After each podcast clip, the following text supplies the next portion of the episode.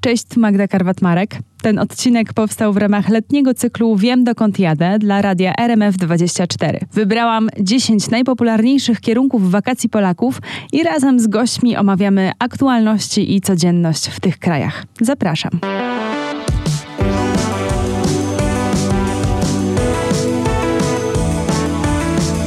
Dzisiaj zmieniamy nieco kierunek i lądujemy Tunezji. E, Polacy są w czołówce mm, turystów odwiedzających ten kraj i pewnie przyciąga ich odmienność kulturowa, e, pewne różnice, pogoda, e, doskonałe oferty wakacyjne. Tak czy inaczej, nie wszystko wiemy o tym kraju. Pojawia się stosunkowo niewiele informacji, a tam co najmniej od kilku lat sytuacja społeczno-polityczna jest niezwykle złożona, nieco burzliwa. I właśnie dzisiaj będziemy o tym rozmawiać z Wiktorią Cieśniarską, Polką, która wybrała ten kraj jako swoje miejsce na ziemi. Dzień dobry, Wiktoria. Dobry wszystkim. Może zacznijmy od tej e, sytuacji złożonej. Chodzi mi tutaj e, głównie o e, prezydenta, który rządzi stosunkowo od niedawna w Tunezji, a już zdążył e, zdymisjonować rząd, zwolnić wszystkich doradców. Niedawno z dnia na dzień zwolnił niespodziewanie panią premier, pierwszą zresztą kobietę premier w Tunezji. E, jak żyje się w kraju, e, w którym te rządy są takie niespodziewane i nie wiadomo, e, co zaraz się wydarzy? No nie ma co ukrywać, że sytuacja polityczna nie jest zbyt kolorowa. Natomiast Tunezyjczycy bardzo lubią obecnego prezydenta, ponieważ jest to taki zwykły człowiek. On był nauczycielem na uniwersytecie i właśnie uczył prawa. Dlatego też mam wrażenie, że jakby wydaje mu się, że wie najlepiej wszystko, bo zna się na tym prawie. I nie ma co ukrywać, że sytuacja w Tunezji była ciężka już od wielu lat i to właśnie było przez rząd, który on próbuje zwolnić. Najbardziej chodzi o to, że osoby, które zasiadały w tym rządzie, pieniądze, które powinny iść na państwo, na kraj i na, nie wiem, różne tam sektory szły do nich. Oni po prostu się na tym bogacili, a ludzie na tym tracili wiele, bo no, Tunezja nie ma co, się, nie ma co ukrywać, żyje z y, turystyki najbardziej. Więc te sektory bardzo ucierpiały przez to, że rząd ciągle kradł pieniądze ludzi. E, dlatego też ten prezydent właśnie w imię państwa, w imię ludzi, którzy próbują też z tym walczyć, stara się tak sukcesywnie zwalniać te osoby, które po prostu tą sytuację najbardziej niszczą. I pewnie Także... opozycja nie jest zadowolona. Ja czytałam też, że nazywają to działania prezydenta e, zamachem stanu i ta sytuacja jest zaogniona mocno. Tak, oni się bardzo buntują. Jest bardzo dużo strajków, no i też przez to ucierpiał kraj. Oczywiście to jest tak zawsze. Jak są jakieś kłótnie, to najbardziej cierpią na tym e, zwyczajni ludzie. E, I wyszło tak, że po prostu te osoby, które rządziły, one w większości zarządzają fabrykami, e, które istnieją w państwie, takie jak, nie wiem, fabryka mleka, mąki, e, i po prostu zaczął się taki bunt, że żeby zbuntować ludzi przeciwko prezydentowi, oni przestali dostarczać pewne produkty do sklepów. I ludzie w Tunezji mają naprawdę bardzo małe zarobki, więc ich podstawowa dieta to tak naprawdę jest chleb. Wszyscy po prostu do każdego posiłku je, jedzą chleb, ponieważ w Tunezji jest on bardzo tani. To jest na nasze polskie pieniądze około 40 groszy, 30 groszy, taka wielka bagietka. I ludzie po prostu wszystko jedzą z tą bagietką, żeby po prostu, wiesz, czuć się tak wystarczająco najedzeni. No i jak zaczęło brakować mąki, no to tym samym w piekarniach nie było chleba i po prostu to był taki strajk głodowy w sumie dla ludzi, bo nie mogli sobie pozwolić na podstawowe rzeczy, które jednak zawsze w tym domu były. Ale tłumaczysz, że popularność prezydenta wcale nie spadła. Wcale nie ludzie, z tego co wiem, są bardzo zadowoleni. Ja mówię, no na mnie jako żonę Tunezyjczyka ta polityka jakby tak nie oddziałuje, nie dotyka mnie osobiście, natomiast ludzie, no widzę, że są za nim. E, bo faktycznie on stara się coś robić i ludzie widzą te jego kroki, że są jakieś poczynania w tym kierunku, żeby polepszyć sytuację. No a jak to wygląda? No jest ciężko. On jest tak naprawdę sam na resztę ludzi, którzy no ciężko jest im coś udowodnić. Pozbył się też e, doradców. Sytuacja w kraju nie najlepsza, a mimo to jego popularność e, nie spada. Czy są jakieś zmiany faktycznie na lepsze od tego czasu, e, kiedy został prezydentem? E, czy ta sytuacja wyraźnie się pogorszyła? Znaczy na pewno na lepsze wychodzi turystyka. Od wielu lat, no to teraz nawet jak taki rekordowy rok to był właśnie 2019, gdzie Polacy przyjeżdżali naprawdę licznie na wakacje w Tunezji, no i to bardzo też podniosło statystyki. E, no to teraz ta sytuacja w tym roku już na ten moment jest dużo lepsza niż w 2019 roku. Wydaje mi się, że to też przez to, że oferty do Tunezji są korzystne cenowo, i to jakby nie było też jest w miarę tani kraj i za bardzo małe pieniądze można tam zobaczyć naprawdę fajne, ciekawe rzeczy.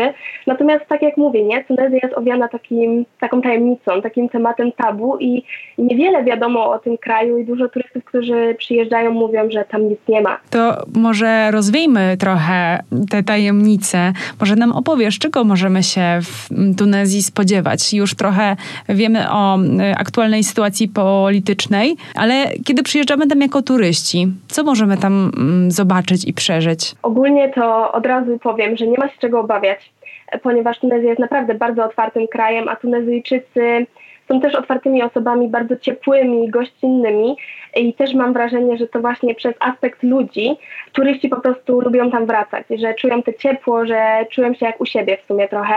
No i Tunezja jest małym krajem, ona jest mniejsza od Polski o dwa razy minimum, więc y, można ją objechać w tydzień tak spokojnie, żeby zobaczyć wszystkie takie najważniejsze punkty w Tunezji.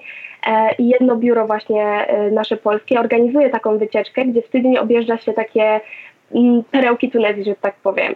Przede wszystkim bardzo dużo Polaków wybiera Dżerbę, to jest e, wyspa tunezyjska i wiele ludzi ją lubi przez to, jakie są tam ładne plaże, są tam gaje oliwne, jest oczywiście stolica e, Dżerby, gdzie po prostu tętni życiem, są te suki, czyli takie targi, gdzie po prostu wchodzisz i na tym targu po prostu możesz poznać całą kulturę Tunezji. Tam jest, wiesz, ich muzyka, ich jedzenie, zapach tych przypraw, przepiękne kolory, nie wiem, skórzane jakieś pufy, dywany i po prostu różne rzeczy, które składają się na, wiesz, na całą Tunezję, więc bardzo dużo ludzi wybiera ten kierunek. E, na Dżerbie też jest bardzo fajne miasteczko, które słynie z garncarstwa i wiele osób uwielbia tunezyjską ceramikę, bo nie ma co się oszukiwać, ale naprawdę jest piękna i w porównaniu do naszych polskich cen stosunkowo tania, a każdy przedmiot jednak jest wyjątkowy, bo to jest wszystko ręczna e, robota. No i też na Dżerbie, to też e, nie wszyscy wiedzą, jest park, w którym jest farma krokodyli. Idąc tam możemy właśnie zobaczyć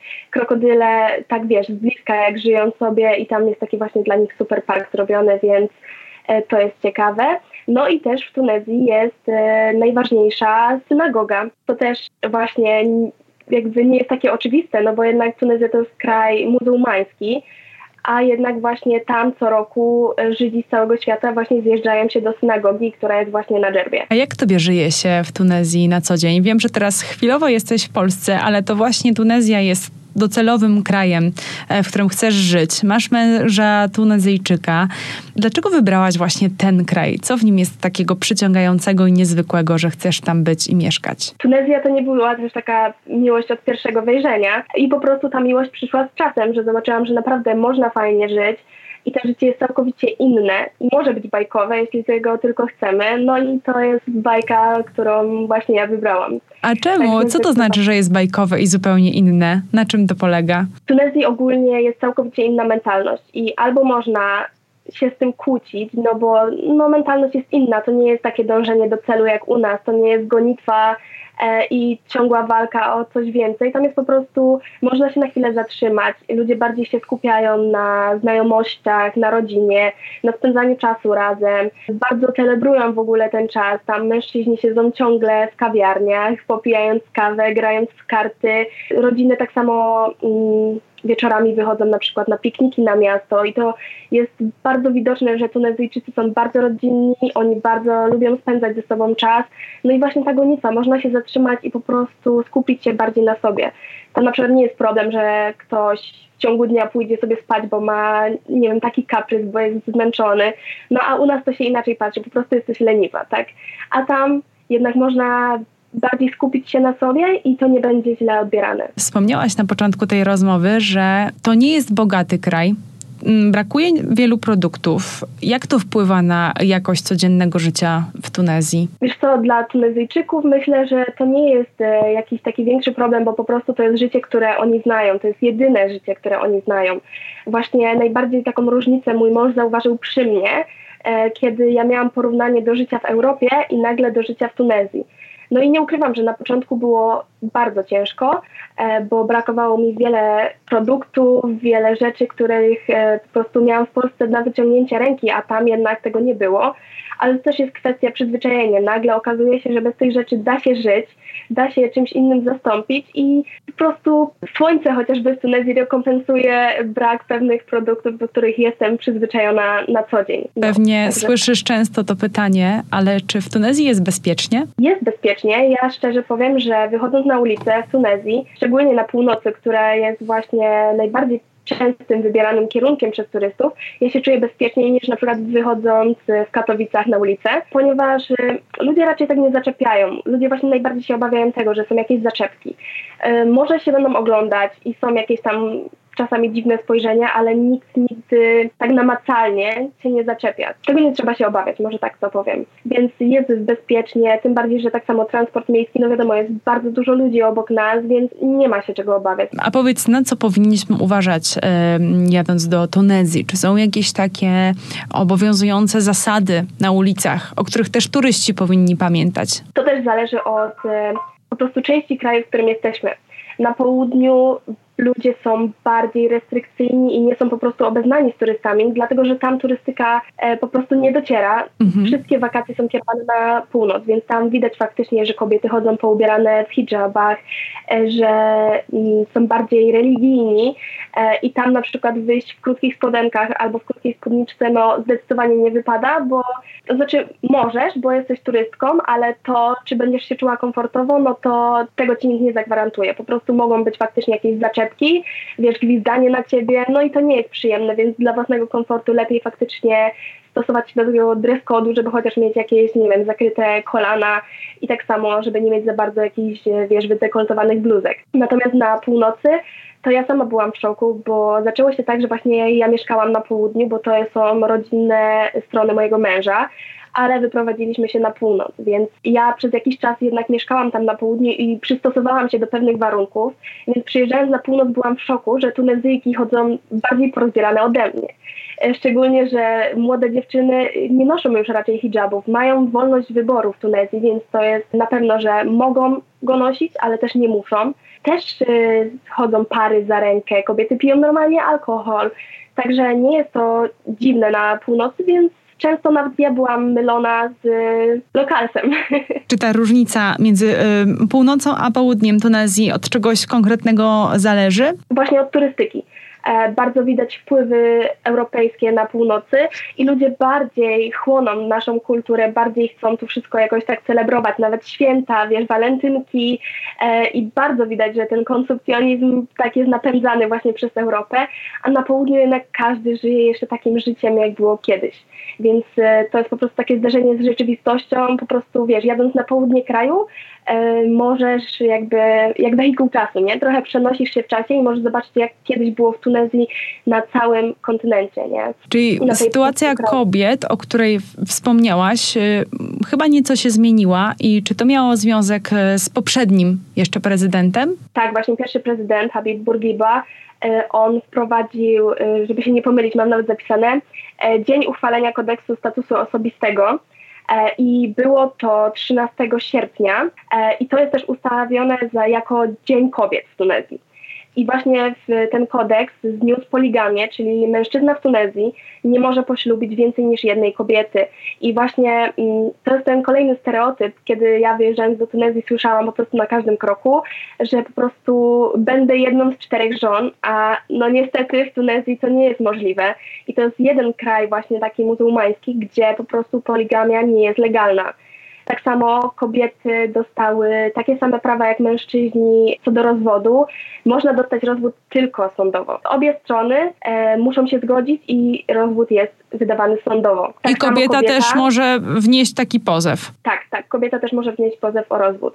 Tak samo kobieta y, sama może zdecydować o małżeństwie i właściwie to ona musi na nie wydać zgodę. Nie ma już czegoś takiego, że prawny opiekun może wydać ją za mąż za kogokolwiek, byleby tylko zapłacił jakąś określoną sumę, czy dał nie wiadomo jakie rzeczy rodzina sobie wymarzy, tylko faktycznie jeśli ona się nie zgodzi na małżeństwo, no to nie ma takiej opcji. No i tak samo ustanowiono w końcu minimalny wiek małżeństwa, czyli kobieta musiała mieć 17 lat minimum, a mężczyzna 20. E, jak długo to trwa ta sytuacja? E, no tak już około 70 lat. Będzie 70 lat za niedługo. Czyli tobie dobrze mieszka się i żyje na co dzień w Tunezji i mimo wszelkich przeciwności czy minusów, które są w każdym kraju, to właśnie tam będziesz chciała mieszkać już zawsze. Tak, zgadza się. Ja bardzo bardzo lubię Tunezję, lubię to, że po prostu jest y, na północy, morze na wyciągnięcie ręki, że jest y, tak naprawdę słonecznie 9 miesięcy w roku, co w Polsce jeszcze teraz to już jest naprawdę niespotykane, a ja jestem jednak ciepłolubna, więc te słońce naprawdę dużo rekompensuje. No i ceny w Tunezji. Ja mam pracę online, więc y, i to jeszcze w Polsce, więc z moimi zarobkami, na przykład żyjąc w Tunezji, to jest pikuś. To jest po prostu tak, że tutaj bym musiała, przypuśćmy, żyć od 10 do 10, a tam sobie żyję na spokojnie, tak jak mi się podoba, mogę sobie pozwolić na wszystko, co chcę i jeszcze mogę odłożyć pieniądze, nie? No i żyję sobie jeszcze w super ciepłym kraju, jakbym była całe życie na wakacjach, więc dla mnie to jest super opcja. Ceny e, niskie, a coś jest takiego drogiego e, w Tunezji, na co można się przygotować? Jakieś usługi, jakieś produkty? E, weterynarze w Tunezji są na przykład bardzo e, drodzy, ale to też przez to, że jest ich mało. E, nie w, nie w każdym mieście na przykład jest weterynarz tak jak u nas i jednak jak jest jak, jak się ma zwierzę i trzeba jechać z nim po prostu na jakieś zabiegi czy coś, no to jest to bardzo droga usługa, no i z zarobkami tunezyjskimi jest praktycznie niemożliwa do wykonania, bo jednak średnia takich zarobków w Tunezji to jest około 600 dinarów, e, czyli około 800 zł e, miesięcznie, więc są to bardzo małe koszta, a nie wiem, taka operacja dla zwierząt kosztuje 400-500, czyli połowa wypłaty i ludzie po prostu no, nie mogą sobie na to pozwolić, bo jest jednak jeszcze życie i po prostu te priorytety wtedy się zmieniają. Mm, powiedz, jak już e, przyjedziemy do Tunezji, e, przylecimy na wakacje, e, to co możemy tam zjeść i co możemy sobie stamtąd przywieźć? Do jedzenia, no to wiadomo, najbardziej popularny w krajach właśnie takich afrykańskich, które są szczególnie na północy, no to kuskus. On nie jest taki jak marokański, jest trochę inaczej przygotowywany, ale myślę, że chociaż raz w życiu warto go spróbować, bo no jest to całkowicie coś innego niż e, my, jak sobie zrobimy taki kuskus instant u nas w Polsce. E, jest też brick. E, brick to jest po prostu takie ciasto bardzo cieniutkie, w środku jest tuńczyk, ale jak ktoś też nie lubi takiej wersji, no to może być też E, szynka z indyka właśnie z jajkiem, e, ze świeżą e, natką pietruszki i z ziemniakami. To jest no przepyszne, smażone na głębokim oleju, ale bardzo dobre i warto spróbować. Jest też kiska, czyli takie placuszki trochę wygląda jak nasze polskie mielone, ale to jest akurat zrobione z gniecionych ziemniaków i tam też są różne składniki wedle uznania w sumie. E, no i bardzo dużo zup, które też są w sumie na jednej bazie, ale też warto je spróbować, no bo no wszystko w Tunezji jest ostre, na to się trzeba pisać, ale ogólnie jedzenie w Tunezji, szczególnie jak się idzie do street foodów, no to jest bardzo tanie, więc e, ja bardzo polecam chodzić i próbować właśnie takiego jedzenia na ulicach, bo w hotelach no często to jest wszystko robione właśnie pod, pod nas, Europejczyków i często to jest po prostu makaron, pizza i wiesz, nie, nie spróbujesz tego, co... Czyli street food próbować. Tak, zdecydowanie. Wszystko jest świeże i przepyszne. E, Polacy lubią bardzo Tunezję. Jak myślisz, dlaczego pokochali ten kraj na wakacje? Ja myślę, że właśnie przede wszystkim e, ludzie. Ogólnie hotele w Tunezji mają bardzo dobry standard e, i e, w Tunezji w każdym hotelu są jednak animacje. E, animatorzy bardzo tam polepszają czas y, turystom i po prostu są bardzo mili, ciepli, otwarci, chętnie mówią o swojej kulturze, chętnie pokazują jakieś nowe miejsca i myślę, że ludzie właśnie lubią to, że czują się tam e, po prostu swojsko. No i też po prostu w Tunezji, tak jak mówię, jest tanio, więc można sobie pozwolić na dłuższe wakacje i e, naprawdę jest bardzo wiele rzeczy, które można odwiedzić. No i jednak te słońce. U nas brakuje słońca i ludzie do tego słońca, chociaż na te wakacje, e, no chcą go zaznać.